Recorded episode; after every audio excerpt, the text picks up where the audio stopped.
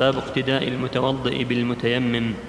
فيه حديث عمرو بن العاص في غزوة ذات السلاسل وقد سبق. وعن سعيد بن جبير قال كان ابن عباس في سفر معه ناس من أصحاب رسول الله صلى الله عليه وآله وسلم منهم عمار بن ياسر.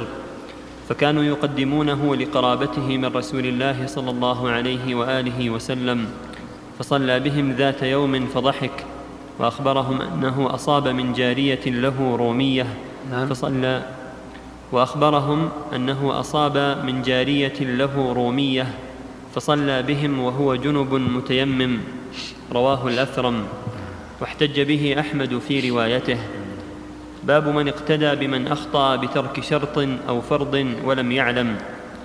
عن أبي هريرة رضي الله عنه قال قال رسول الله صلى الله عليه وآله وسلم يصلون بكم فإن أصابوا فلكم ولهم وإن أخطأوا فلكم وعليهم.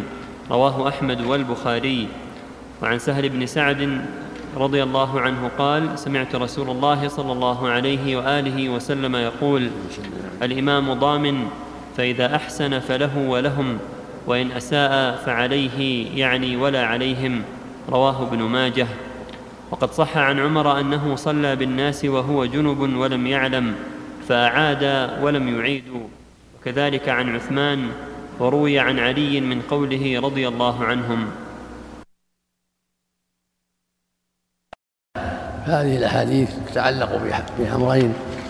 أحدهما صلاة المتيمم إمامة المتيمم بالمتوضئين والثاني إمامة من يقع منه شيء يخله بالصلاة ولم يعلم به المأموم. أما الأول فلا حرج في أن يصلي المتيمم بالمفترض كما فعل عمرو بن العاص صلى بأصحابه. بسبب شدة البرد تيمم ولم يستطع الوضوء. صلى بهم وهم متوضئون وهو متيمم ولم ينكر عليه النبي صلى الله عليه وسلم ولم يأمره بالإعادة.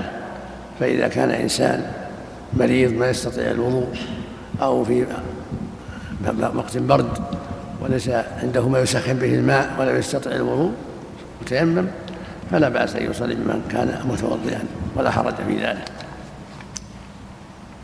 لأن التيمم طهرة شرعية. كما قال صلى الله عليه وسلم جعلت الأرض جعلت الأرض مسجدا وطهورا وقال الصعيد وضوء المسلم وإن لم يجعل عشر سنين. أما المسألة الثانية هذه تقع كثيرا من الأمراء وغير الأمراء. ولهذا قال صلى الله عليه وسلم يصلون لكم فإن أحسنوا فلكم ولهم وإن أساءوا فعليهم ولكم. يعني لا تضر. وهكذا لو صلى الإمام على غير وضوء ولم يعلم إلا بعد الصلاة صلاته صحيحة وهو يعيد كما جاء عن عثمان وعن عمر وغيرهما. وهكذا لو أخل بشيء وهم علموا فالإثم عليه وصلاته صحيحة. فالحاصل أن أن المأموم له الظاهر والباطن إلى الله جل وعلا. فإذا صلى بهم الإمام وهو محدث ولم يعلم إلا بعد الصلاة لم يتذكر إلا بعد الصلاة فإنه يعيد وليس عليهم شيء. وهكذا لو أخل بشيء ولم يعلموا صلاته صحيحة. لقوله يصلون لكم فإن أحسنوا فلكم ولهم وإن أساءوا فلكم وعليهم فلهم فعليهم ولكم يعني لكم أنتم صلاتكم صحيحة وهم عليهم ما فرطوا فيه. إلا إذا علموا أنه أخل بشيء فإنه ينبهونه سواء كان ساهي ينبه وإن كان جاهل يعلم. لكن إذا كان ظاهره الخير أو لم يخفى عليهم ما فعل فلا فلا حرج. أو صلى بهم جالسا وهو إمام الحي يقول عاجز وهو إمام الحي وصلوا خلفه جلوسا فلا بأس. نعم. باب حكم الإمام إذا ذكر أنه محدث أو خرج لحدث سبقه أو غير ذلك. عن أبي بكرة رضي الله عنه أن النبي صلى الله عليه وآله وسلم استفتح الصلاة فكبر ثم أومأ إليهم أن مكانكم ثم دخل ثم خرج ورأسه يقطر فصلى بهم. فلما قضى الصلاة قال إنما أنا بشر مثلكم وإني كنت جنبا. رواه أحمد وأبو داود وقال ورواه أيوب وابن عون وهشام عن محمد عن النبي صلى الله عليه وآله وسلم قال فكبر ثم أومأ إلى القوم أن اجلسوا وذهب فاغتسل. وعن عمرو بن ميمون قال إني لقائم ما بيني وبين عمر غداة أصيب إلا عبد الله بن عباس فما هو إلا أن كبر فسمعته يقول قتلني أو أكلني الكلب حين طعنه. وتناول عمر عبد الرحمن بن عوف فقدمه فصلى بهم صلاة خفيفة مختصر من البخاري. وعن أبي رزين قال صلى علي وعن أبي, رزين. قال صلى علي رضي الله عنه ذات يوم فرعف فأخذ بيد رجل فقدمه ثم انصرف. رواه سعيد في سننه. وقال أحمد بن حنبل إن استخلف الإمام فقد استخلف عمر وعلي وإن صلوا وحدانا فقد طعن معاوية وصلى الناس وحدانا من حيث طعن أتموا صلاتهم. باب من أما قوما يكرهونه.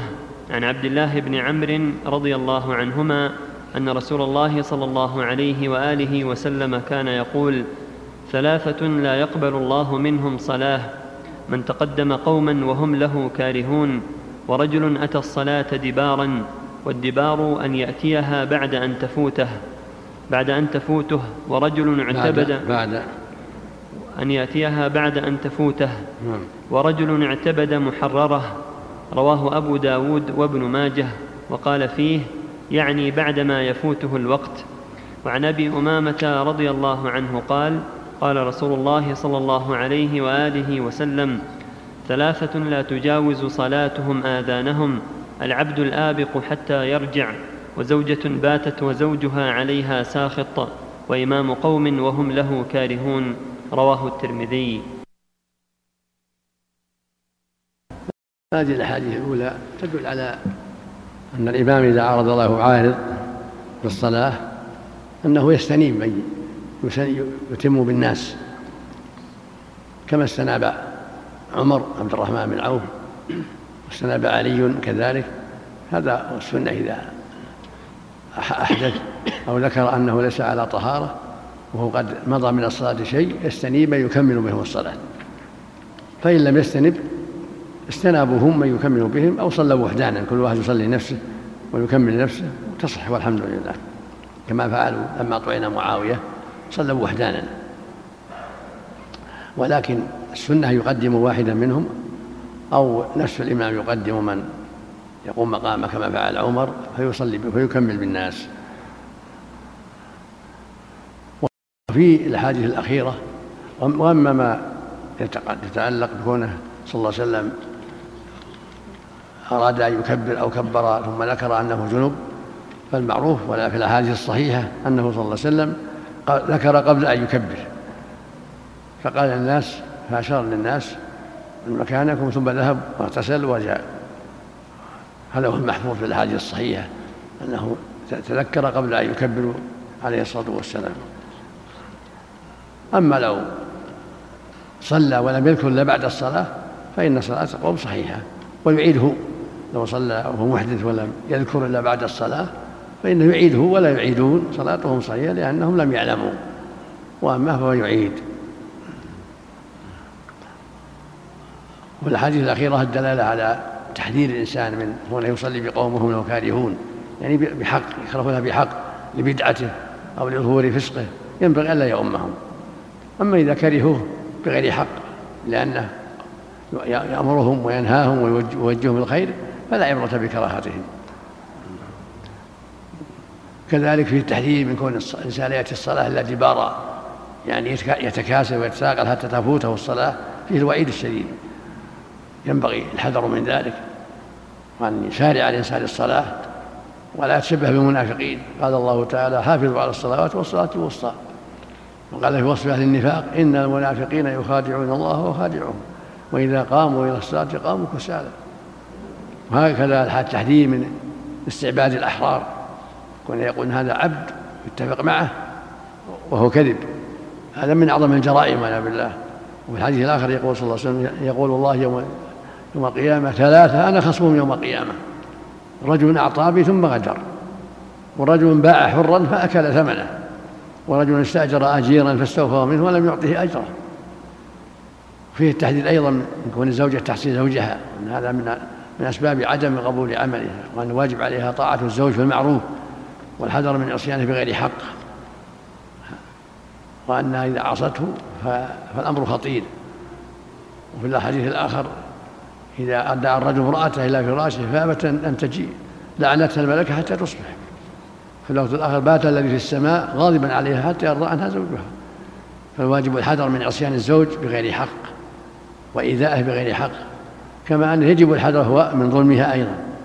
عليه أن يتقي الله وأن يعاشرها بالمعروف وأن لا يظلمها. وعليها أيضا تقوى الله وأن تطيعه بالمعروف وأن تحذر عصيانه. فإن في ذلك الوعيد الشديد.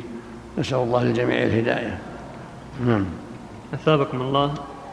يقول ما صحة حديث لا سمر إلا لثلاثة مصل أو مسافر أو عروس. ما أعرف هذا أقول ما أعرف هذا الحديث الصحيح أن النبي كره السمر بعد العشاء والنوم قبلها. هذا في الصحيحين. السمر مكروه إلا في مصلحة المسلمين. في العلم أو في مصالح المسلمين. وأما السمر بغير حج بغير حاجة هو مكروه. وهو السهر نعم. أثابكم الله. يقول إذا كنت في مكان وكانت الماء مقطوعة هل يجوز لي التيمم؟ أم لا بد من الذهاب بالسيارة إلى مكان الماء؟ مع العلم بأن الماء متوفر على بعد عشرة كيلومترات تقريبا أو أقل. إذا كنت في مكان وكان الماء مقطوعا فهل يجوز لي التيمم أم لا بد من الذهاب بالسيارة إلى مكان الماء؟ مع العلم بأن الماء متوفر على بعد عشرة كيلومترات تقريبا أو أقل. إيه. ما دام الماء موجود فعليه يسعى للماء. لأن هذا قريب يعد قريبا عرفا. فعليه يتوضأ ولا يتيمم. أما إذا كان بعيد بحيث يفوت غالب الوقت أو يفوت الوقت فلا حرج في التيمم. اللهم المستعان أثابكم الله يقول من سعى قبل الطواف جهلا منه وقصر من شعره وعمل ما يعمله من أحل الإحرام وهو لا زال بمكة فماذا عليه؟ وإذا غادر مكة فماذا عليه؟ لا حرج عليه. إذا سعى قبل الطواف لا حرج عليه. لكن السنة يطوف ثم يسعى. وقد ثبت عنه صلى الله عليه وسلم أنه سأله رجل قال يا رسول الله سعيت قبل أن أطوف؟ قال لا حرج. السنة أن يطوف ثم يسعى. فلو سعى إنسان جاهل أو ناسي ثم طاف ثم قصر تم الأمر والحمد لله. أثابكم الله. يقول نحن مجموعة مسافرون وصلينا في مسجد فرضا من الفروض وصلى الإمام أربع ركعات ونحن كنا مسبوقين بركعتين فعندما سلم الإمام سلمنا معه لأننا مسافرين وقصرنا الصلاة فماذا علينا؟ من صلى مع الإمام المقيم يصلي أربعة. هكذا جاء السنة عن النبي صلى الله عليه وسلم المسافر إذا صلى خلف المقيم يسمى أربعة. وإذا أدركتم ركعتين وسلم تأتوا بركعتين بعد ذلك كالمسبوق كسائر المسبوقين. يعيد الصلاة. عليهم الإعادة نعم. عليهم الإعادة لهذه الصلاة التي قصروها وهم مع الإمام المقيم نعم. أثابكم الله. يقول هل الزوج ملزم بأن يحجج زوجته بعد الاستطاعة؟ ليس ملزما. إنما عليها الحج إذا استطاعت هي. أما زوجها ما هو ملزم. إذا كانت غير مستطيعة لا يلزمها الحج. لكون زوجها مستطيعا لا. لا يلزمه. لكن إذا أحسن إليها وحججها هذا من المعروف من مكارم الأخلاق ولا ما لا يلزمه. إنما يلزمها هي إذا استطاعت. نعم. بارك الله فيكم وصلى الله على نبينا محمد وعلى آله وصحبه وسلم. بسم الله الرحمن الرحيم. الحمد لله رب العالمين والصلاة والسلام على أشرف الأنبياء والمرسلين نبينا محمد وعلى آله وصحبه أجمعين. أما بعد فقال المؤلف رحمه الله تعالى أبواب موقف الإمام والمأموم وأحكام الصفوف. باب وقوف الواحد عن يمين الإمام والاثنين فصاعدا خلفه. عن جابر بن عبد الله رضي الله عنهما قال قام النبي صلى الله عليه وآله وسلم يصلي المغرب فجئت فقمت عن يساره فنهاني فجعلني عن يمينه ثم جاء صاحب لي فصفنا خلفه فصلى بنا في ثوب واحد مخالفا بين طرفيه رواه أحمد. وفي رواية قام رسول الله صلى الله عليه وآله وسلم ليصلي فجئت فقمت عن يساره فأخذ بيدي فأدارني حتى أقامني عن يمينه ثم جاء جبار بن صخر فقام عن يسار رسول الله صلى الله عليه وآله وسلم فأخذ بأيدينا جميعا فدفعنا حتى أقامنا خلفه رواه مسلم وأبو داود. وعن سمرة بن جندب قال أمرنا رسول الله صلى الله عليه وسلم إذا كنا ثلاثة أن يتقدم أحدنا رواه الترمذي. عن ابن عباس قال صليت إلى جنب النبي صلى الله عليه وآله وسلم وعائشة معنا تصلي خلفنا وأنا إلى جنب النبي صلى الله عليه وآله وسلم أصلي معه. رواه أحمد والنسائي. وعن أنس أن, أن النبي صلى الله عليه وآله وسلم صلى به وبأمه أو خالته قال فأقامني عن يمينه وأقام المرأة خلفنا. رواه أحمد ومسلم وأبو داود. وعن الأسود بن يزيد قال دخلت أنا وعمي علقمة على ابن مسعود بالهاجرة. قال فأقام الظهر ليصلي فقمنا خلفه فأخذ بيدي ويد عمي ثم جعل أحدنا عن يمينه والآخر عن يساره فصففنا صفا واحدا ثم قال هكذا كان رسول الله صلى الله عليه وآله وسلم يصنع إذا كانوا ثلاثة. رواه أحمد ولأبي داود والنسائي معناه. باب وقوف الإمام تلقاء وسط الصف وقرب, وقرب أولي الأحلام والنهى منه.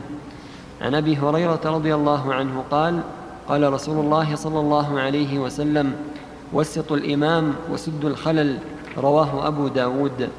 وعن أبي مسعود الأنصاري رضي الله عنه قال كان رسول الله صلى الله عليه وآله وسلم يمسح مناكبنا في الصلاة ويقول استووا ولا تختلفوا فتختلف قلوبكم ليلني منكم أولو الأحلام والنهى ثم الذين يلونهم ثم الذين يلونهم.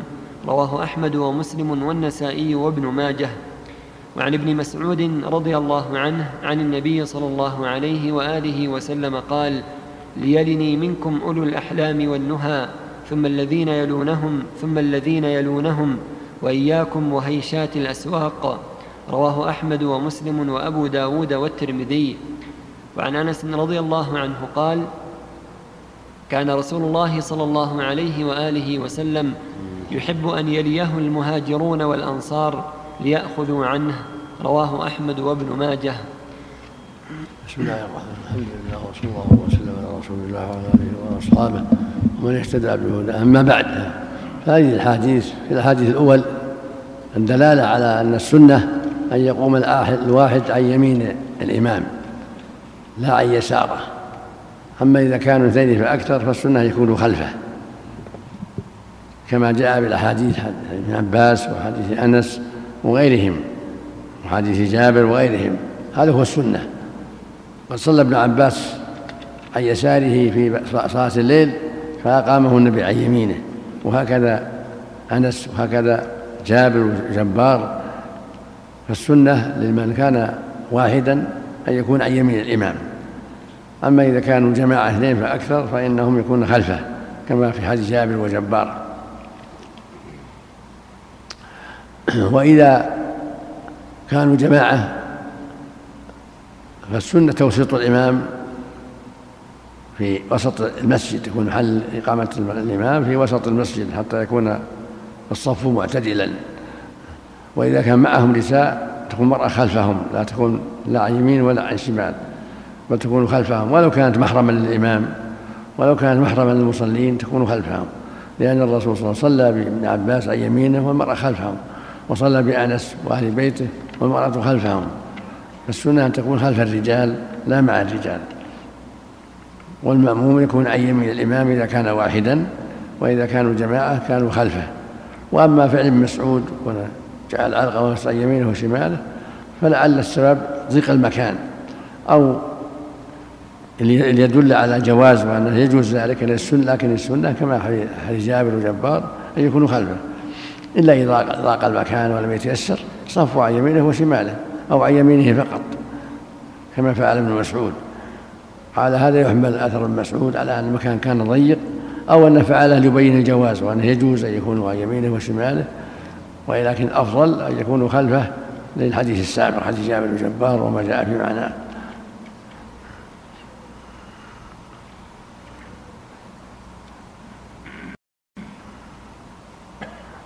الحديث الأخير نعم. عندك الحديث؟ كذلك حتى صلى الله عليه وسلم على أن يأيه أولو الأحلام والنهى وأن هي ينبغي لأهل العلم والفضل أن يتقدموا حتى يكون قدوة للناس وحتى يعلموا الناس ويرشدوهم. ولهذا قال صلى الله عليه وسلم يلي يكون أولو الأحلام والنهى. وكان يمسح مناكبهم ويقول لا تختلفوا فتختلف قلوبكم. فالواجب أن تستوي الصفوف وأن يتقدم الأخيار والعلماء والأفاضل وأن يسارعوا يكونوا مع المتأخرين. السنة لهم المسارعة ليلي أولو الهم والنهي يعني أولو الفضل والبصيرة والعلم حتى يقتدى بهم ويتأسى بهم الباقون. والسنة أن يستووا في الصف ولهذا كان يمسح مناكبهم ويقول لا تختلفوا فتختلف قلوبكم. وكان يأمرهم قبل أن يكبر يستووا وأن يستقيموا وأن يكملوا الصف الأول فالأول. هذا هو الواجب على الجماعة أن يستقيموا في الصف وأن يسدوا الخلل وأن يكملوا الصف الأول فالأول ويكون النقص في الآخر. نعم. وفق الله الجميع نعم. في في ضعف لكن سنة أن لا يكون مكان بل يتقدم يجتهد في المسارعة حتى يكون خلف الإمام. أما كون اتخاذ مكان ما, ما ينبغي. ينبغي أن يسابق. بعض الناس يعتاد عمود عن يمين الإمام ولا عن يساره لا ينبغي. إلا إذا كان عاجز يستند لا بأس. كان عاجز يتحرر العمود الذي يتكئ عليه ويجلس عليه يعني ينتظر. فلا بأس العذر وإلا في السنة أن يسابق حتى يكون قريبا من الإمام.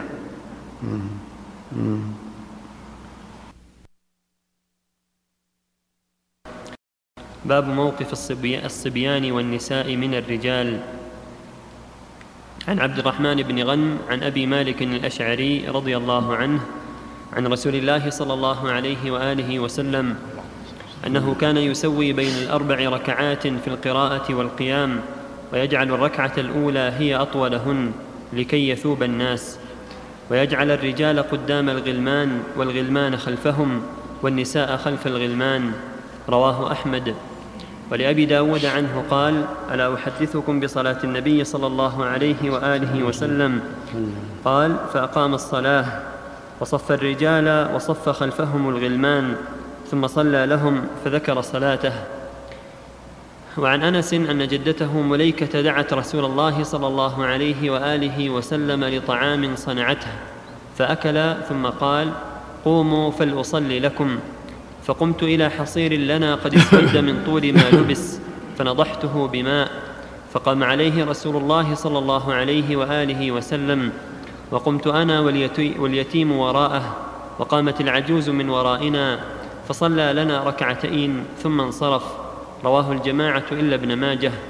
وعن أنس رضي الله عنه قال صليت أنا واليتيم في بيتنا خلف النبي صلى الله عليه وآله وسلم وأمي خلفنا وأم سليم رواه البخاري. وعن أبي هريرة رضي الله عنه قال قال رسول الله صلى الله عليه وآله وسلم خير صفوف الرجال أولها وشرها آخرها وخير صفوف النساء آخرها وشرها أولها رواه الجماعة إلا البخاري. باب ما جاء في صلاة الرجل فذا ومن ركع أو أحرم دون الصف ثم دخله. هذه الأحاديث الأربعة فيما يتعلق بصفوف الرجال والصبيان والنساء. ثبتت السنة عن النبي صلى الله عليه وسلم أنه كان يقول لأصحابه ليلي منكم أولو الاحلام والنهى. وأن السنة يتقدم أهل العلم وكبار السن حتى يكون قدوة لغيرهم. وإذا اجتمعوا جميعا وجاءوا لمحل الصلاة جميعا يقدم الرجال ثم الصبيان ثم النساء. أما إذا كان كالمعتاد كل يأتي أرسالا فإن السابق أولى من غيره سواء كان صبيا أو كبيرا. السابق يصف حيث أمكنه. هكذا جاءت السنة. فالسابق أولى بالمكان ممن سبق من المسبوق سواء كان صبيا أو كبيرا. أما إذا اجتمعوا مثلا نزلوا من السيارات في السفر أو جاءوا جميعا إلى المسجد فيقدم الكبار ثم الصبيان ثم النساء. أما إذا كانوا جاءوا أرسالا كل يأتي على على حدة فإن كل من جاء أحق بالصف الذي يدركه. فمن سبق إلى الأول فهو أولى به ومن سبق إلى الثاني فهو أولى به ومن سبق إلى الثالث فهو هكذا. هكذا جاءت الحديث الصحيحة. والحديث الذي فيه تقديم الرجال ثم الصبيان لو صح في سنده ما قال لكن إذا صح فالمعنى عند اجتماعهم إذا جاءوا جميعا إذا جاءوا جميعا يقدم الرجال ثم الصبيان ثم النساء. أما إذا جاءوا أرسالا كالعادة الآن فكل من سبق فهو حق بمكانه ولو صبيا إذا سبق إلى الصف الأول لا يؤخر وإذا سبق إلى الصف الثاني لا يؤخر إلى الثالث وهكذا. وحديث يقول صلى الله عليه وسلم خير صفوف الرجال أولها وشرها آخرها؟ خير صفوف النساء آخرها وشرها أولها. هذا يدل على أن السنة أن يتقدم الرجال ويجتهدوا في الصف الأول. ولهذا يقول صلى الله عليه وسلم لو يعلم الناس ما في النداء والصف الأول ثم لم يجدوا إلا أن يستهموا إلا استهموا. وفيه من الفوائد أن أن الإنسان إذا زار قوما وأحب أن يصلي بهم جماعة فلا بأس. النبي لما زار أم أنس صلى بهم جماعة ضحى صلاة الضحى ركعتين. وصف أنس واليتيم خلف النبي والعجم ورائهم. هذا يدل على جواز صلاة النافلة جماعة في بعض الأحيان ليلا أو نهارا كصلاة الضحى. فيصلي بهم ويكون الرجال خلفه والمرأة خلفهم. وهكذا لما زار النبي صلى الله عليه وسلم عتبان ضحى صلى لهم ركعتين جماعة. فدل ذلك على أنه لا بأس أن تصلى الجماعة أن تصلى النفل جماعة في بعض الأحيان من ليل أو نهار ما لم يتخذ عادة بل على حسب ما يتيسر من غير إعادة. أما اتخاذ ذلك راتبا فهو غير مشروع. لكن إذا صادف ذلك زارهم وصلى بهم جماعة أو زاره جماعة وصلى بهم فلا بأس. في الليل أو في النهار صلاة الضحى أو في التهجد بالليل.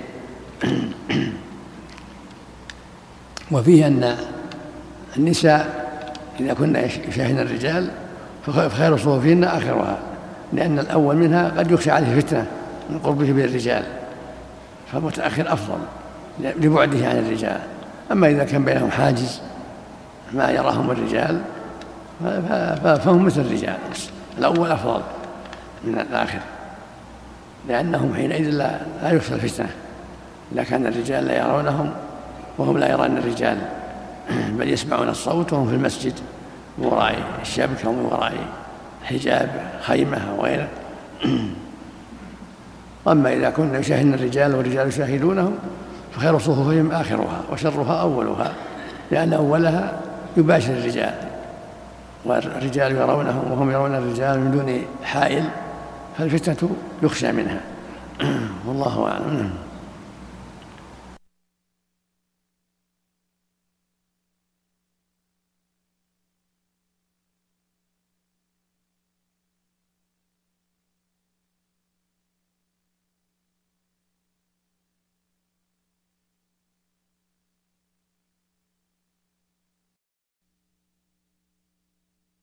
وصحبه أجمعين. أما بعد فقال المؤلف رحمه الله تعالى باب ما جاء في صلاة الرجل فذا ومن ركع أو أحرم دون الصف ثم دخله. عن علي بن باب. باب ما جاء في صلاة الرجل فذا ومن ركع أو أحرم دون الصف ثم دخله. نعم. عن علي بن شيبان أن رسول الله صلى الله عليه وآله وسلم رأى رجلا يصلي خلف الصف فوقف حتى انصرف الرجل. فقال له استقبل استقبل صلاتك فلا صلاة لفرد خلف الصف. رواه أحمد وابن ماجه. وعن وابصة بن معبد أن رسول الله صلى الله عليه وآله وسلم رأى رجلا يصلي خلف الصف وحده فأمره أن يعيد صلاته. رواه الخمسة إلا النسائي. وفي رواية قال سئل رسول الله صلى الله عليه وآله وسلم عن رجل صلى خلف الصفوف وحده فقال يعيد الصلاة رواه أحمد. وعن أبي بكرة أنه انتهى إلى النبي صلى الله عليه وآله وسلم وهو راكع فركع قبل أن يصل إلى الصف فذكر ذلك للنبي صلى الله عليه وآله وسلم فقال زادك الله حرصا ولا تعد. رواه أحمد والبخاري وأبو داود والنسائي. وعن ابن عباس قال أتيت النبي صلى الله عليه وآله وسلم من آخر الليل. فصليت خلفه فأخذ بيدي فجرني حتى جعلني حذاءه. رواه أحمد. هذه الأحاديث بيان صلاة الفذ خلف الصف وأنه يعيد ولا تصح الصلاة خلف الصف وان الواجب أن يتصل بالصف ولا يعجل. حديث علي بن شيبان حديث وابصه بن معبد وجاء في معنى حديث طلق بن علي أيضا كلها تدل على أنه لا صلاة لمنفرد خلف الصف وأنه يجب عليه أن يعيد. إذا صلى الفريضة خلف الصف وحده وجب عليه أن يعيد. وإذا لم يجد فرجة يتقدم مع الإمام يصف عن يمينه أو يصبر حتى يأتي أحد يصف معه أو يلتمس فرجة في الصفوف ولا يعجل. والغالب أنه متى التبس وجد لكن كثير من الناس يعجل يخاف تفوت الركعة فيسجد يركع دون الصف. من عجله ولهذا لما فعل هذا أبو بكر رضي الله عنه جاء والامام راكع. فركع دون الصف. ثم دخل في الصف. فلما صلى ذكر ذلك النبي صلى الله عليه وسلم قال له النبي زادك الله حرصا ولا تعود. لا تعود إلى الركوع دون الصف. بل اصبر حتى تدخل في الصف. فهذا هو الواجب. إذا جاء الناس في الصفوف فلا يعجل. حتى يلتمس فرجة أو يأتي معها أحد أو يدخل ويكون عن يمين الإمام كما صلى ابن عباس لما جاء واحد جعله عن يمينه وهكذا أنس وهكذا جابر كلهم لما جاءوا جعلهم عن يمينه. فلما جاء جابر جاء جبار مع جابر جعلهم خلفه كما رواه مسلم في الصحيح. وهكذا لما زار النبي صلى الله عليه وسلم جدة أنس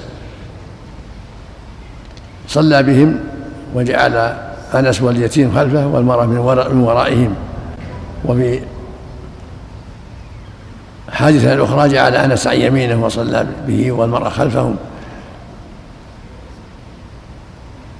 والخلاصة أن الواجب على من جاء والناس في الصفوف ألا يعجل حتى يجد فرجة. أو يتقدم مع الإمام عن يمينه. فإن صلى وحده وجب عليه أن يعيد ولا يجذب أحد. لأنه إذا جذب أحد تصرف فيه غير بغير حق وفتح فرجة في الصف. أما حديث لا دخلت معه أو اجتررت رجلا فهو حديث ضعيف. ولأن جذبه من الصف تصرف فيه بغير دليل شرعي. وفتح فرجة في الصف ولكن يصبر. حتى يجد فرجة أو يأتي أحد يصف معه أو يتقدم فيصف مع الإمام تيسر عن يمينه فإن لم يتيسر فأجره كامل أجر الجماعة كامل لأنه معذور. مثل الذي يصلي في بيته مريضا له أجر جماعة لعذره. كما قال صلى الله عليه وسلم في الحديث الصحيح إذا مرض العبد أو سافر كتب الله له ما كان يعمل وهو صحيح مقيم. إنسان عاد للجماعة. ثم مرض فلم يستطع يكتب له أجر المصلي في الجماعة. وهكذا إنسان يصوم يوم ويفطر يوم أو يصوم أيام البيض أو نحو ذلك فلما سافر ترك ذلك يكتب له أجر أجر صيامه لأن ترك الصيام في السفر أفضل. ولما غزا النبي غزوة تبوك وتخلف أناس لمرضهم لم يغزوا معه. قال للصحابة في المدينة وهم في تبوك. إن في المدينة أقواما ما سرتم مسيرا ولا قطعتم واديا إلا وهم معكم. إلا وهم معكم. قال يا رسول وهم في المدينة؟ قال وهم في المدينة. لأنهم حبسهم العذر حبسهم الغزو العذر وفي اللفظ الآخر إلا شريكوكم في الأجر. لأنهم حبسهم العذر يعني المرض. وهكذا لو كان عادي يصوم يوم يفطر يوم ثم أصاب مرض كتب الله له صيامه. أو يصوم الست من شوال فصادف شوال وهو مسافر أو مريض كتب الله له صيامه. أو يصوم الاثنين والخميس فتعطل لأجل المرض أو البيض لأجل المرض أو سفر كتب الله له صيامه وإن لم يصم هذا من فضله جل وعلا وكرمه سبحانه وإحسانه نعم.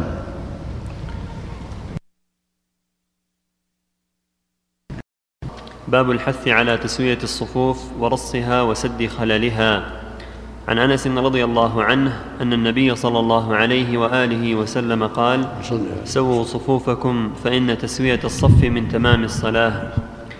وعن أنس قال كان رسول الله صلى الله عليه وآله وسلم يقبل علينا بوجهه قبل أن يكبر فيقول تراصوا واعتدلوا متفق عليهما. وعن النعمان بن بشير قال كان رسول الله صلى الله عليه وآله وسلم يسوي صفوفنا كأنما يسوي بها القداح حتى رأى أنا قد عقلنا عنه. ثم خرج يوما فقام حتى كاد أن يكبر فرأى رجلا باديا صدره من الصف فقال عباد الله لتسون صفوفكم أو ليخالفن الله بين وجوهكم. رواه الجماعة إلا البخاري فإن له منه. لتسون بين صفوفكم أو ليخالفن الله بين وجوهكم. ولأحمد وأبي داود في رواية قال فرأيت الرجل يلزق كعبه بكعب صاحبه وركبته بركبته ومنكبه بمنكبه.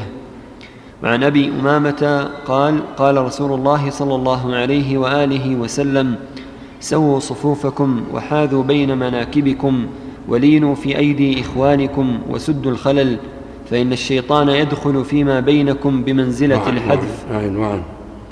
وعن أبي أمامة رضي الله عنه قال قال رسول الله صلى الله عليه وآله وسلم سووا صفوفكم وحاذوا بين مناكبكم ولينوا في أيدي إخوانكم وسدوا الخلل فإن الشيطان يدخل فيما بينكم بمنزلة الحذف يعني أولاد الضأن الصغار رواه أحمد. الحذف نعم. الحذف. نعم أولاد أولاد الغنم نعم. أحسن الله إليك. فإن الشيطان يدخل فيما بينكم بمنزلة الحذف يعني أولاد الضأن الصغار رواه أحمد.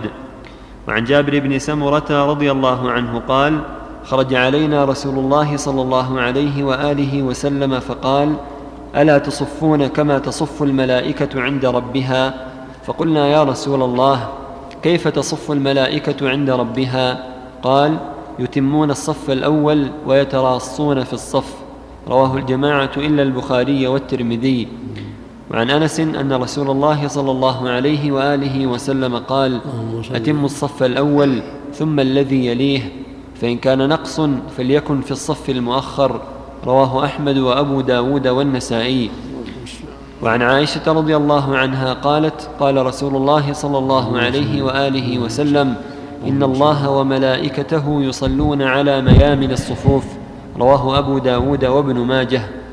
وعن أبي سعيد رضي الله عنه أن رسول الله صلى الله عليه وآله وسلم رأى في أصحابه تأخرا فقال لهم تقدموا فأتموا بي وليأتم بكم من وراءكم. لا يزال قوم يتأخرون حتى يؤخرهم الله عز وجل. رواه مسلم والنسائي وأبو داود وابن ماجه. فهذه الأحاديث الكثيرة وغيرها كلها تتعلق بتسوية الصفوف وإقامتها والتراصي فيها. قد كثرت الأحاديث في هذا الباب. يبين فيها صلى الله عليه وسلم أن الواجب على المأمومين أن يتراصوا وأن يستووا وأن يتقدم بعضهم على بعض. وأخبرهم أنه عليه الصلاة والسلام يراه من ورائه كما تقدم في الأحاديث السابقة. فالواجب سد الخلل والتراص في الصفوف والتساوي. ولهذا قال سلوا سووا صفوفكم فإن تسوية الصفوف من تمام الصلاة. في الأضرار من إقامة الصلاة وكان يلتفت إليهم ويقول اعتدوا استووا حاذوا بالأعناق سووا صفوفكم سد الخلل. هذا هو الواجب على المسلمين أن يكونوا هكذا مستويين معتدلين متراصين. لا يكون بينهم فرج ولا يكون بينهم تقدم وتأخر. واللفظ الآخر كان يقول له صلى الله عليه وسلم سلوا سووا ولا تختلفوا فتختلف قلوبكم. التقدم والتأخر قد يفضي إلى الشنعان والنزاع واختلاف القلوب. واللفظ الآخر ألا تصفون كما تصف معك عند ربها؟ قالوا كيف تصف ما عند ربها؟ قال يكمل الصف الأول ويتراصون يعني يسدون يكمل الصف الأول ويتراصون في الصف. واللفظ الآخر أكمل الصف الأول ثم الصف الثاني وما كان من نقص فليكن في الصف الآخر المؤخر.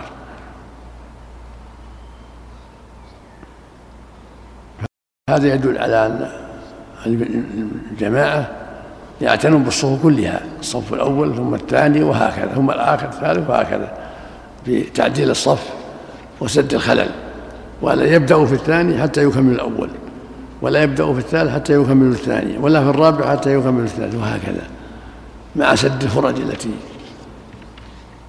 وفي بعضها أن الصحابي يقول يرى يرى يرى, يرى إخوانه كل واحد يلصق كعبه بكعب أخيه ومنكبه بمنكب أخيه يعني يسدون الفرج. فتكون القدم لصيقة القدم من دون من دون أذى ولا محاكة لكن لا يسد لا تبقى فرجة. قدم عند القدم وحذاء القدم والمنكب حذاء المنكب من دون فرج من دون أذى. لا يؤذي أخاه بحكاته وإيذاءه لكن يسد فرجة. وما يمن الصف أفضل. كل يمين صف أفضل من يساره الحديث إن الله وملائكته على ما يمن الصفوف.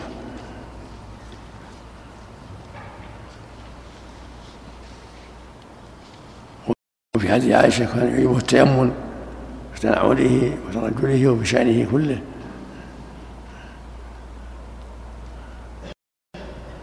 فالسنة للمأمومين أن يلاحظوا هذه الأشياء التي ذكرها النبي صلى الله عليه وسلم وهي الاستواء في الصف وسد الفرج وعدم التقدم من بعضهم على بعض وأن يكمل الصف الأول فالأول والآخر والثاني والثالث وهكذا.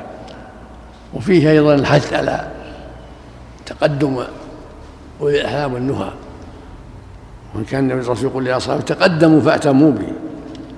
جلي منكم أولي الأحلام والنهى وليأتم منكم من بعدكم. ولا يزال الرجل يتأخر عن يعني الصلاة حتى يؤخره الله. ففيه تحذير من التكاسل. وأن التثاقل من أسباب تأخير الله له عن الخير. وهو من التشبه بالمنافقين. ولهذا كان يحثهم صلى الله عليه وسلم على أن يتقدموا حتى يكونوا قدوة لغيرهم.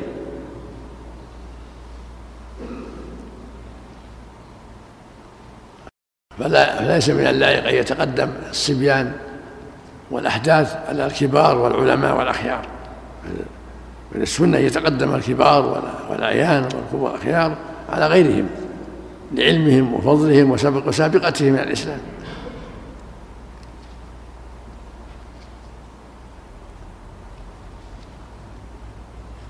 والله جل وعلا يحب من عباده يسابقوا الخيرات. قال تعالى سابقوا إلى مغفرة من ربكم. قال تعالى فاستبقوا الخيرات.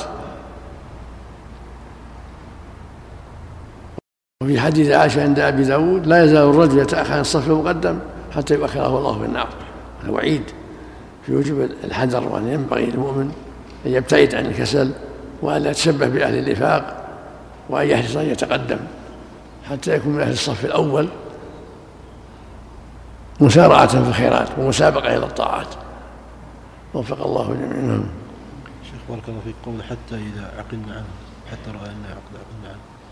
ما يدل على جواز ترك القول استوى واعتدلوا بعض الأحيان؟ لا كان يسوي من عكب يعني يمسحها حتى. مو معمول ولا كلام كان إذا قام الصف يقول لهم استووا خلاص. يعني يداوم على هذا نعم. كان يمسح مناكبهم حتى رأى أنهم قد عقلوا عن نعم. شيخ بعد الله يكون المصلي ما حصل مكان في الصفوف ممكن يصلي أمام الإمام جنب الإمام؟ أي يمينه نعم. إذا ما وجد مكان يتقدم عن يمين الإمام نعم. بعض العلماء يقولون استقيموا. نعم. بعض العلماء يقول المعنى واحد استقيموا واستووا اعتدلوا المعنى منتقال نعم. أثابكم الله يقول ما صحة حديث سووا صفوفكم فإن تسوية الصف من تمام الصلاة. صحيحين نعم. أثابكم الله يقول ما هو مقدار المسافة بين نعم. الإمام نعم. إيه، نعم. يقول ما هو مقدار المسافة بين الإمام والمأمومين الذين في الصف الأول؟ قدر ما يسجدون يصطدمون به يكون وراه لكن لا يصطدمون به يكون بينه وبينه شيء قليل حتى إذا سجدوا لا يؤذونه. وهكذا كل صف كل صف عن الصف الآخر بحيث لا يؤذي بعضهم بعضا ولا يصدم بعضهم بعضا. وسجودهم لا يؤذي من, من أمامهم. هل يبدأ الصف الثاني يا شيخ بعد الإمام خلف الإمام؟ نعم يبدأ من وسط الصف. طيب ثم يمينا ثم يسارا؟ نعم هكذا نعم. يمينا ويسارا؟ نعم. باب هل يأخذ القوم مصافهم قبل الإمام أم لا؟ باب باب هل يأخذ القوم مصافهم قبل الإمام أم لا؟ نعم. عن أبي هريرة رضي الله عنه أن الصلاة كانت تقام لرسول الله صلى الله عليه وآله وسلم فيأخذ الناس مصافهم قبل أن يأخذ النبي صلى الله عليه وآله وسلم مقامه. رواه مسلم وأبو داود. وعن أبي هريرة رضي الله عنه قال أقيمت الصلاة وعدلت الصفوف قياما قبل أن يخرج إلينا النبي صلى الله عليه وآله وسلم فخرج إلينا فلما قام في مصلاه ذكر أنه جنب فقال لنا مكانكم ثم كثنا على هيئتنا يعني قياما ثم رجع فاغتسل ثم خرج إلينا ورأسه يقطر فكبر فصلينا معه متفق عليه. ولأحمد والنسائي حتى إذا قام في مصلاه وانتظرنا أن يكبر انصرف وذكر نحوه. وعن أبي قتادة رضي الله عنه قال قال رسول الله صلى الله عليه وآله وسلم إذا أقيمت الصلاة فلا تقوموا حتى تروني قد خرجت. رواه الجماعة إلا ابن ماجه ولم يذكر البخاري فيه قد خرجت. باب كراهة الصف بين السواري للمأموم. عن عبد الحميد بن محمود قال صلينا خلف أمير من الأمراء فاضطرنا الناس فصلينا بين الساريتين. فلما صلينا قال أنس بن مالك كنا نتقي هذا على عهد رسول الله صلى الله عليه وآله وسلم. رواه الخمسة إلا ابن ماجه. وعن معاوية بن قرة عن أبيه قال كنا ننهى أن نصف بين السواري على عهد رسول الله صلى الله عليه وآله وسلم. ونطرد عنها طرادا رواه ابن ماجه. وقد ثبت عنه صلى الله عليه وآله وسلم أنه لما دخل الكعبة صلى بين الساريتين. في الأحاديث الأولى دلالة على جواز إقامة الصفوف وتسويتها قبل خروج الإمام. ثم إذا خرج الإمام توجه إلى محل الصلاة وكبر بالناس وأمرهم بالتسوية إذا كان هناك خلل ولكن هذا كان قبل أن ينهاهم ثم نهاهم عن هذا. فقال إذا أقيمت الصلاة فلا تقوموا حتى تروني. فلا ينبغي لهم أن يقوموا إذا كان حاضر حتى يروا لأن قد يفضي هذا إلى التعب والمشقة في الوقوف. هذا من رحمة الله جل وعلا. فإذا خرج قاموا. أما إذا كان موجود وقيمت له الصلاة موجود يقومون عند الإقامة في أولها أو في أثنائها أو في آخرها. المقصود يقومون حتى يكبروا بعد تكبيره. أما ما ذكر من قيامهم وتعديل الصفوف قبل أن يخرج فهذا كان قبل النهي. ثم نهاهم بعد ذلك ألا يقوموا حتى يروا هذا هو المشروع. وفي الأحاديث الأخيرة الدلالة على كراهة الصفوف بين السواري لما في ذلك من تقطيع الصف بالسواري إلا عند الحاجة. إذا ازدحمت الصفوف وضاق المسجد فلا بأس. وإلا فلا ينبغي الوقوف بين السواري لأن في ذلك تقطيع الصف. أما إذا كان الواقف إماما أو منفردا أو أكثر من فرد لكن لا ما في تقطيع فلا بأس. إنما هذا في حق المأموم إذا تقطعت الصفوف. أما لو كان واحد يصلي أو إمام يصلي بين الساريتين والناس وراءه فلا حرج. مثل ما صلى النبي في الكعبة بين السواري. لأنه واحد. المقصود إذا كان الصفوف تنقطع بالصفوف بين السواري نهي عن هذا وكره.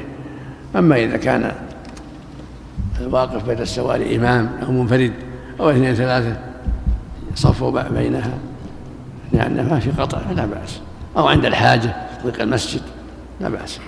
عند الحاجة تزول الكراهة. نعم.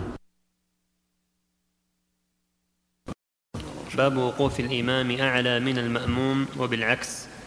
عن همام أن حذيفة أما الناس بالمدائن على دكان فأخذ ابن مسعود بقميصه فجبذه فلما فرغ من صلاته قال ألم تعلم أنهم كانوا ينهون عن ذلك؟ قال بلى قد ذكرت حين مددتني رواه أبو داود. وعن أبي مسعود قال نهى رسول الله صلى الله عليه وآله وسلم أن يقوم الإمام فوق شيء والناس خلفه يعني أسفل منه. رواه الدار قطني.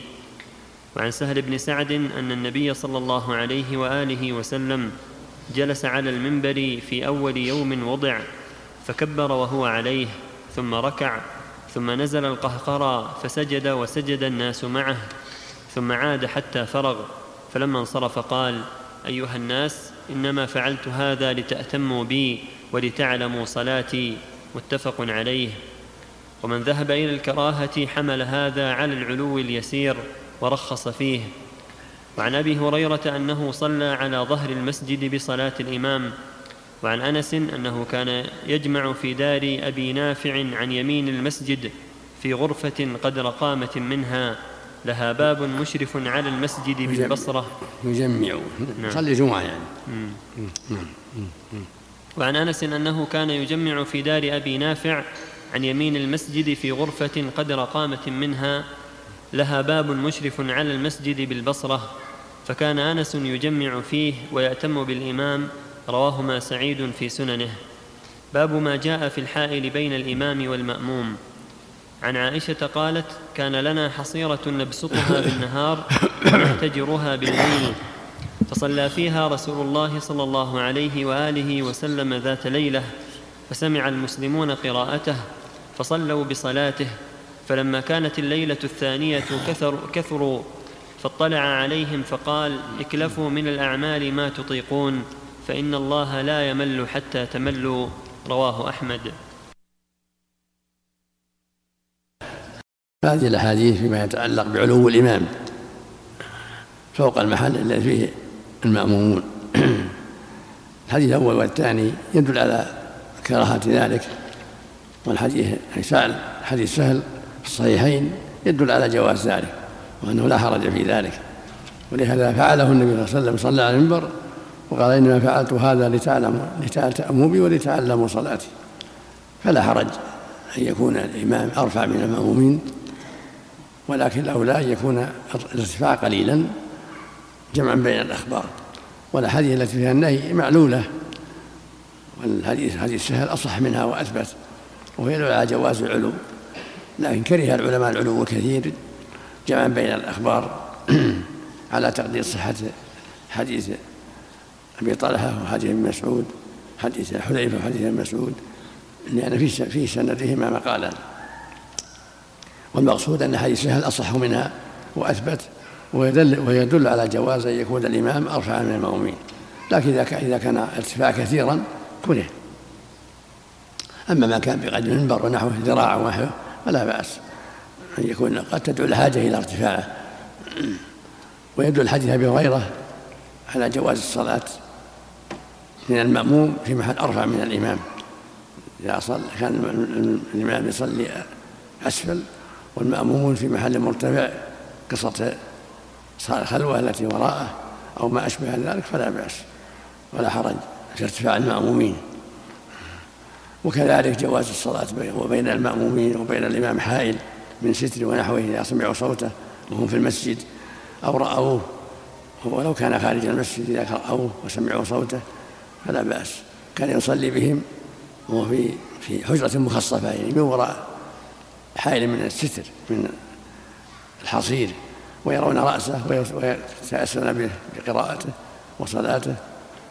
صلى بهم عدة ليالي ثم قال لهم أيها الناس إن أفضل صلاة المرء في بيته إلا المكتوبة. قال اكلفوا من ما تطيقون. فهو يدل على جواز الائتمام في النافلة وأن حرج في ذلك. ما لم يتخذ عادة ونظاما. إلا في رمضان فإنهم يصلون جماعة التراويح كما فعلها النبي صلى الله عليه وسلم وفعلها عمر والصحابة. فالتراويح صلى جماعة في رمضان. أما النوافل إذا فعلها بعض الأحيان جماعة لا بأس لكن ما يكون شيء مرتب بل يكون بعض الأحيان. كما صلى النبي صلى الله عليه وسلم في بيت جدة أنس جماعة وزار عتبان وصلى في بيته جماعة في محله. الذي أراد أن يصلي له فيه. هذه الأشياء إذا فعلها بعض الأحيان لا بأس. أما يتخذ راتب وعادة فلا فلا أصل له. باب ما جاء في من يلازم بقعة بعينها من المسجد. عن عبد الرحمن بن شبل أن النبي باب ما جاء في من يلازم بقعة بعينها من المسجد. نعم. عن عبد الرحمن بن شبل أن النبي صلى الله عليه وآله وسلم نهى في الصلاة عن ثلاث نقرة الغراب وافتراش السبع وأن يوطن الرجل المقام الواحد كإيطان البعير. رواه الخمسة إلا الترمذي. وعن سلمة بن الأكوع أنه كان يتحرى الصلاة عند الأسطوانة التي عند المصحف وقال رأيت النبي صلى الله عليه وآله وسلم يتحرى الصلاة عندها متفق عليه. ولمسلم أن سلمة كان يتحرى موضع المصحف يسبح فيه. وذكر أن النبي صلى الله عليه وآله وسلم كان يتحرى ذلك المكان. قلت وهذا محمول على النفل ويحمل النهي على من لازم على من لازم مطلقا للفرض والنفل. قلت قلت. وهذا محمول على النفل ويحمل النهي على من لازم مطلقا للفرض والنفل. باب استحباب التطوع في غير موضع المكتوبة. عن, عن المغيرة بن شعبة رضي الله عنه قال قال رسول الله صلى الله عليه وآله وسلم لا يصلي الإمام في مقامه الذي صلى فيه المكتوبة حتى يتنحى عنه. رواه ابن ماجة وأبو داود.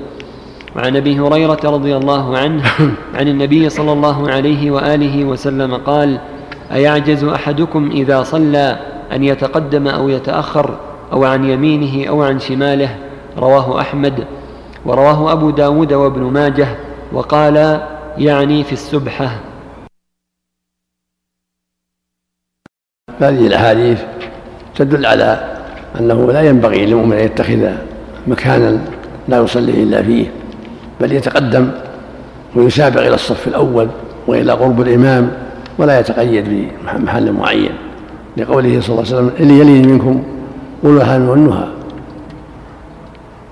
وقول صلى الله عليه وسلم لا يزال والناس يتأخرون الصلاة حتى يؤخرهم الله. فالمشروع المسابقة والمسارعة إلى الصف الأول وقرب الإمام واتخاذ إيطان لا يصلي إلا فيه ينافي ذلك مع أن الحديث ضعيف في هذا لكن معناه صحيح. لا يليق بالمؤمن أن يتخذ مكانا لا يصلي فيه لا يصلي إلا فيه الفريضة. أما إذا كان النافلة واتخذ مكانا أنسب له أو أليق به أو أرفق به فلا بأس.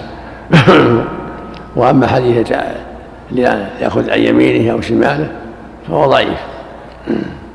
فإذا صلى في مكانه النافلة أو تقدم أو تأخر فالأمر في هذا واسع وليس في ذلك حرج.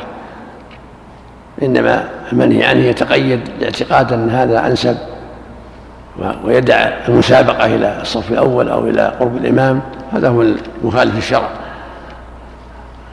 أما في النافلة مثل ما فعل سلمة كان يصلي عند محل الساري محل المصحف مثل ما يصلى في الروضة ما بين بيته وبين روضة من رياض الجنة مثل ما يصلي الإنسان في محل الذي يليق به في بيته لأنه أنسب له أو أبعد له عن الناس. أو ما أشبه من من المناسبات مثل ما قال عتبان للنبي صلى الله عليه وسلم صلي ها هنا في مكان أحسن من بيته حتى يتخذه مصلى. إذا كان لمصلحة وسبب لا, لا بأس. أما يتعبد بذلك يتخذ مكانا في الصف الأول أو في الصف الثاني ويدع المسابقة إلى الخيرات هذا لا شك أنه منهي عنه. نعم. كان يجعل في مصحف بعد النبي صلى الله عليه وسلم مثل ما تجعل المصاحف في المساجد. نعم.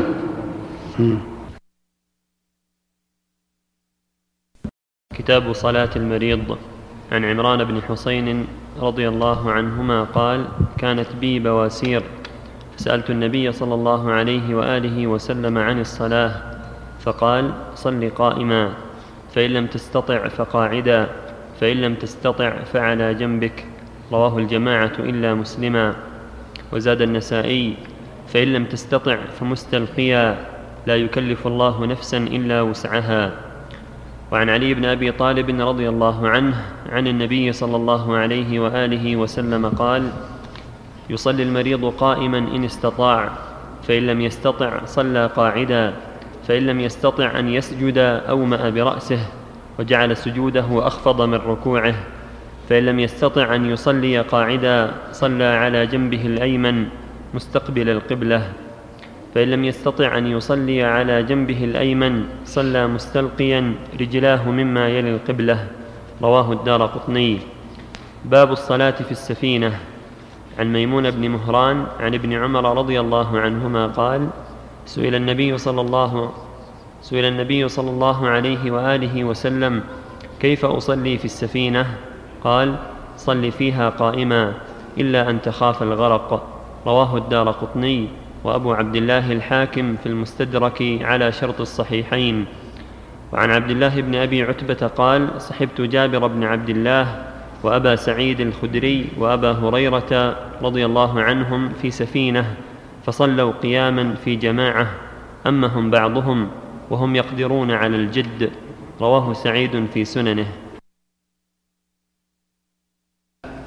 هذه الأحاديث في صلاة المريض ومن كان في السفينة ونحوها. المريض ومن كان في السفينة كلهم يصلي على حسب طاقته. فاتقوا الله ما استطعتم. كما قال الله جل وعلا فاتقوا الله ما استطعتم. فإن كان يستطيع القيام صلى قائما فإن كان لا يستطيع صلى قاعدا كما قال النبي لعمران فإن لم يستطع فعلى جنب. أخرجه البخاري في الصحيح. فإن لم يستطع فمستلقيا كما رواه النسائي بلسان صحيح أيضا. هذا هو الحكم في المرضى. من استطاع القيام صلى قيام فإن لم يستطع صلى قاعدا. متوركا أو مفترشا أو متربعا على أي حالة صلى. والتربع في حال القيام أفضل. وكيفما صلى قاعدا أجزاء لأن الرسول قال قاعدا وأطلق. فإن عجز صلى على جنبه والأيمن أفضل. فإن يتيسر الأيمن فالأيسر يستقبل قبله.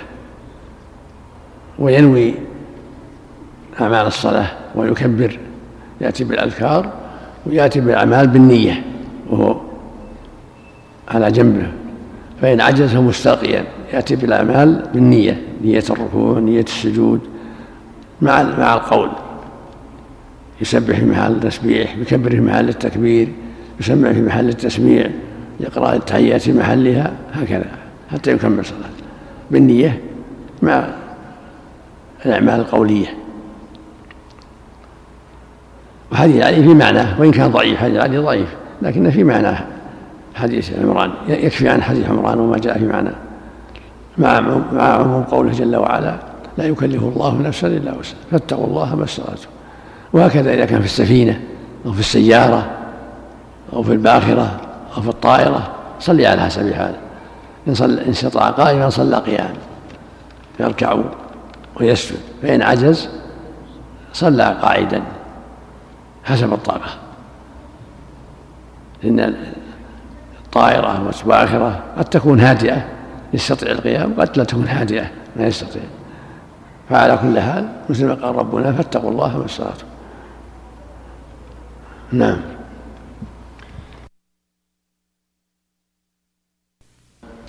أبواب صلاة المسافر.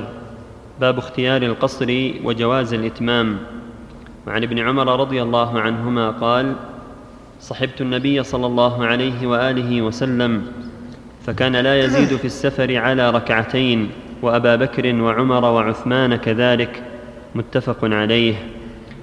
وعن يعلى بن أمية قال قلت لعمر بن الخطاب رضي الله عنه فليس عليكم جناح أن تقصروا من الصلاة إن خفتم أن يفتنكم الذين كفروا؟ فقد أمن الناس فقال عجبت مما عجبت منه. فسألت رسول الله صلى الله عليه وآله وسلم عن ذلك فقال صدقة تصدق الله بها عليكم فاقبلوا صدقته. رواه الجماعة إلا البخاري. وعن عائشة رضي الله عنها قالت خرجت مع النبي صلى الله عليه وآله وسلم في عمرة في رمضان فأفطر وصمت وقصر وأتممت فقلت بأبي وأمي أفطرت أفطرت وصمت وقصرت وأتممت. فقال أحسنت يا عائشة. رواه الدار قطني وقال هذا إسناد صحيح. وعن عائشة رضي الله عنها أن النبي صلى الله عليه وآله وسلم كان يقصر في السفر ويتم ويفطر ويصوم. رواه الدار قطني وقال إسناد صحيح. وعن عمر رضي الله عنه أنه قال صلاة السفر ركعتان وصلاة الأضحى ركعتان وصلاة الفطر ركعتان وصلاة الجمعة ركعتان تمام من غير قصر على لسان محمد صلى الله عليه وآله وسلم. وعن عمر. وعن عمر رضي الله عنه أنه قال صلاة السفر ركعتان وصلاة الأضحى ركعتان وصلاة الفطر ركعتان وصلاة الجمعة ركعتان تمام من غير قصر على لسان محمد صلى الله عليه وآله وسلم. رواه أحمد والنسائي وابن ماجه. وعن ابن عمر رضي الله عنهما قال أن رسول الله صلى الله عليه وآله وسلم أتانا ونحن ضلال فعلمنا. فكان فيما علمنا أن الله عز وجل أمرنا أن نصلي ركعتين في السفر رواه النسائي. وعن ابن عمر رضي الله عنهما قال قال رسول الله صلى الله عليه وآله وسلم إن الله يحب أن تؤتى رخصه كما يكره أن تؤتى معصيته رواه أحمد. هذه الأحاديث وما جاء في معناها كلها تدل على شرعية القصر في السفر وأن السنة للمسافر القصر. اقتداء بالنبي صلى الله عليه وسلم في ذلك فإنه كان إذا سافر قصر. ومن آخر وآخر أسفاره سفره في حجة الوداع فإنه قصر في حجة الوداع وصلى في منى أيام منى كلها صلى فيها قصرا. الظهر اثنتين والعصر اثنتين والعشاء اثنتين. هذا هو السنة للمسافر أن يقصر. ومن أتم فلا حرج لأن القصر رخصة والله يحب أن تؤتى رخصة. ومن أتم فلا حرج. ولكن السنة هو القصر كما كان النبي يفعل في أسفاره عليه الصلاة والسلام ذكر ابن عمر وغيره. وذكر يعلى بن أمية لعمر رضي الله عنه قوله تعالى وإذا ضربتم الأرض فلا جناح أن تقصروا من الصلاة إن خفتم يأتون الذين كفروا. قال يعلى إن الله جل قال إذ خفتم. ونحن قد أمنا. فقال عمر قد عجبت مما مثل ما قلت. فذكرتها للنبي صلى الله عليه وسلم فقال هي صدقة من الله. فاقبلوا صدقة. فهذا يدل على صدقة من الله يعني القصر. وقل ليس عليهم جناح. يعني لا حرج عليكم وقل إن خفتم هذا الشرط. قد قد عفى الله عنه وسمح لهم بالقصر وإن كانوا آمنين. فهو شرط أغلبي وصف أغلبي. ولهذا صلى النبي صلى الله عليه وسلم قصرا في حجة الوداع وهم آمنون. في غاية من الأمن في حجة الوداع. أما حديث عائشة أنها سافرت مع النبي صلى الله عليه وسلم فأتمت القصر وصام صامت وأفطر وإن صحها الدار قطني لكن بعض أهل العلم قدح في صحته كشيخ الإسلام ابن تيمية وجماعة قالوا إنه لا يليق بها أن تكون معه وأن تخالفه فالحديث غير صحيح بهذا المعنى. لكن بعد النبي صلى الله عليه وسلم كانت تتم في السفر وتقول إنه لا يشق عليه تأولت القصر بأنه لترك المشقة. للمشقة فقالت إنه كان لا يشق عليه وكانت تتم رضي الله عنها. وهكذا عثمان في آخر خلافته أتم. فالتمام فالإتمام جائز ولكن الأفضل هو القصر. كما أن الصوم في السفر جائز والفطر أفضل. فهكذا قصر في الصلاة قصرها في السفر أفضل ومن أتم فلا حرج عليه. نعم. له أن يقصر إلى كم يوم؟ ما دام في السفر؟ ولو أبطأ ولو أخذ مدة طويلة في السفر. إلا إذا أقام إقامة عارضة أقام بنية الإقامة أكثر من أربعة أيام فعند الجمهور يتم. وقال ابن عباس إذا أقمنا تسعة عشر يوم أقمنا أتممنا. لأن النبي أقام تسعة عشر يوم في مكة في عام الفتح. وقال بعض أهل العلم أنه ما دام مسافرا يقصر مطلقا حتى يرجع إلى وطنه. ما دام حبسه السفر ما عزم على إقامة. ولكن أفضل والأحوط إذا عزم على إقامة تزيد على أربعة أيام أتم أخذا بقول الجمهور. نعم نعم. نعم. السجلات في الحرمين السجادة في الحرمين ما في بأس. إذا صلى على السجادة ما صلي على هذه سجادة. صلي عليها أنت. بس في رسوم الحرمين ما ي- ولا ما ما يضر. لكن ترك ترك كونه يصلي على سجادة خالية أحسن. أحسن. السجادة ما فيها رسوم الحرمين ولا فيها نقوش أو لا؟